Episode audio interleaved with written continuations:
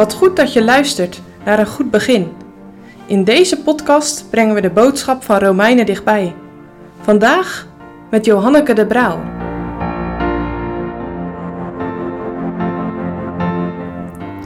Kinderen hebben recht op de erfenis.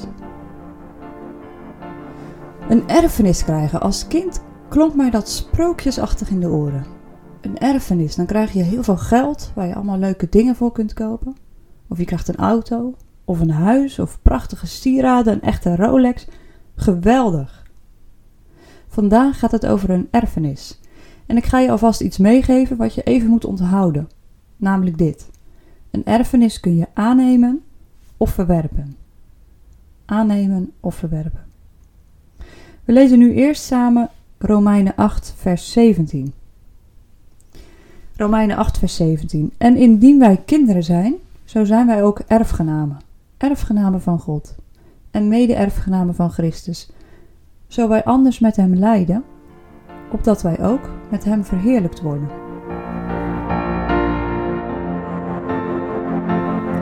Paulus begint dit vers met en als wij kinderen zijn. Hij legt als het ware midden op de tafel een envelop. En op die envelop staat een adres voor de aangenomen kinderen van God. Wat zit er dan in die envelop? Daar zit het testament in waarin staat beschreven wie de erfgenamen zijn en wat zij erven.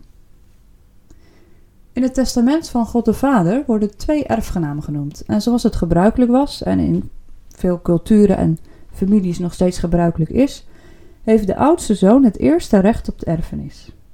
En de eerste naam die God de Vader dan ook in zijn testament noemt, is zijn enige geboren zoon, Heer Jezus Christus, de oudste broeder. En de tweede naam die genoemd wordt zijn de kinderen van God. Wat erven zij dan? De kanttekeningen zeggen bij deze tekst: Gods erfgenamen ontvangen de hemelse goederen. Dat is alles wat God belooft in zijn woord. Misschien vat de Heidelbergse catechismus dit nog wel het beste samen in zondag 1.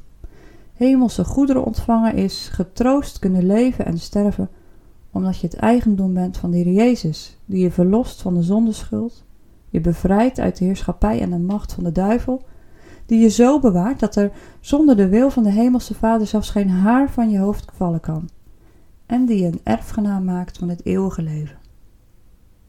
Gods erfgenamen ontvangen een koninkrijk in de hemelen. Eeuwig leven op een nieuwe aarde en in een nieuwe hemel. Zij mogen straks wonen in een stad waarvan de poorten nooit dicht zullen gaan, want er is geen gevaar van de nacht en het kwaad kan er niet binnenkomen. Er zijn geen tranen, geen rouw, geen jammerklacht en geen moeite.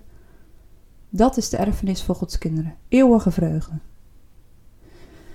Een testament is vaak verzegeld en wordt pas opengemaakt als de opsteller van het testament is overleden.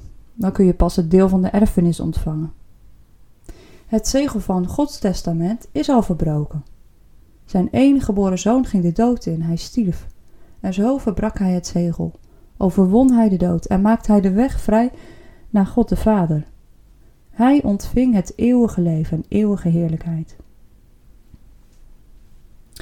Er is iets heel belangrijks als het gaat om de erfenis van God. Buiten de Heer Jezus, buiten de oudste broeder, deel je niet in de erfenis.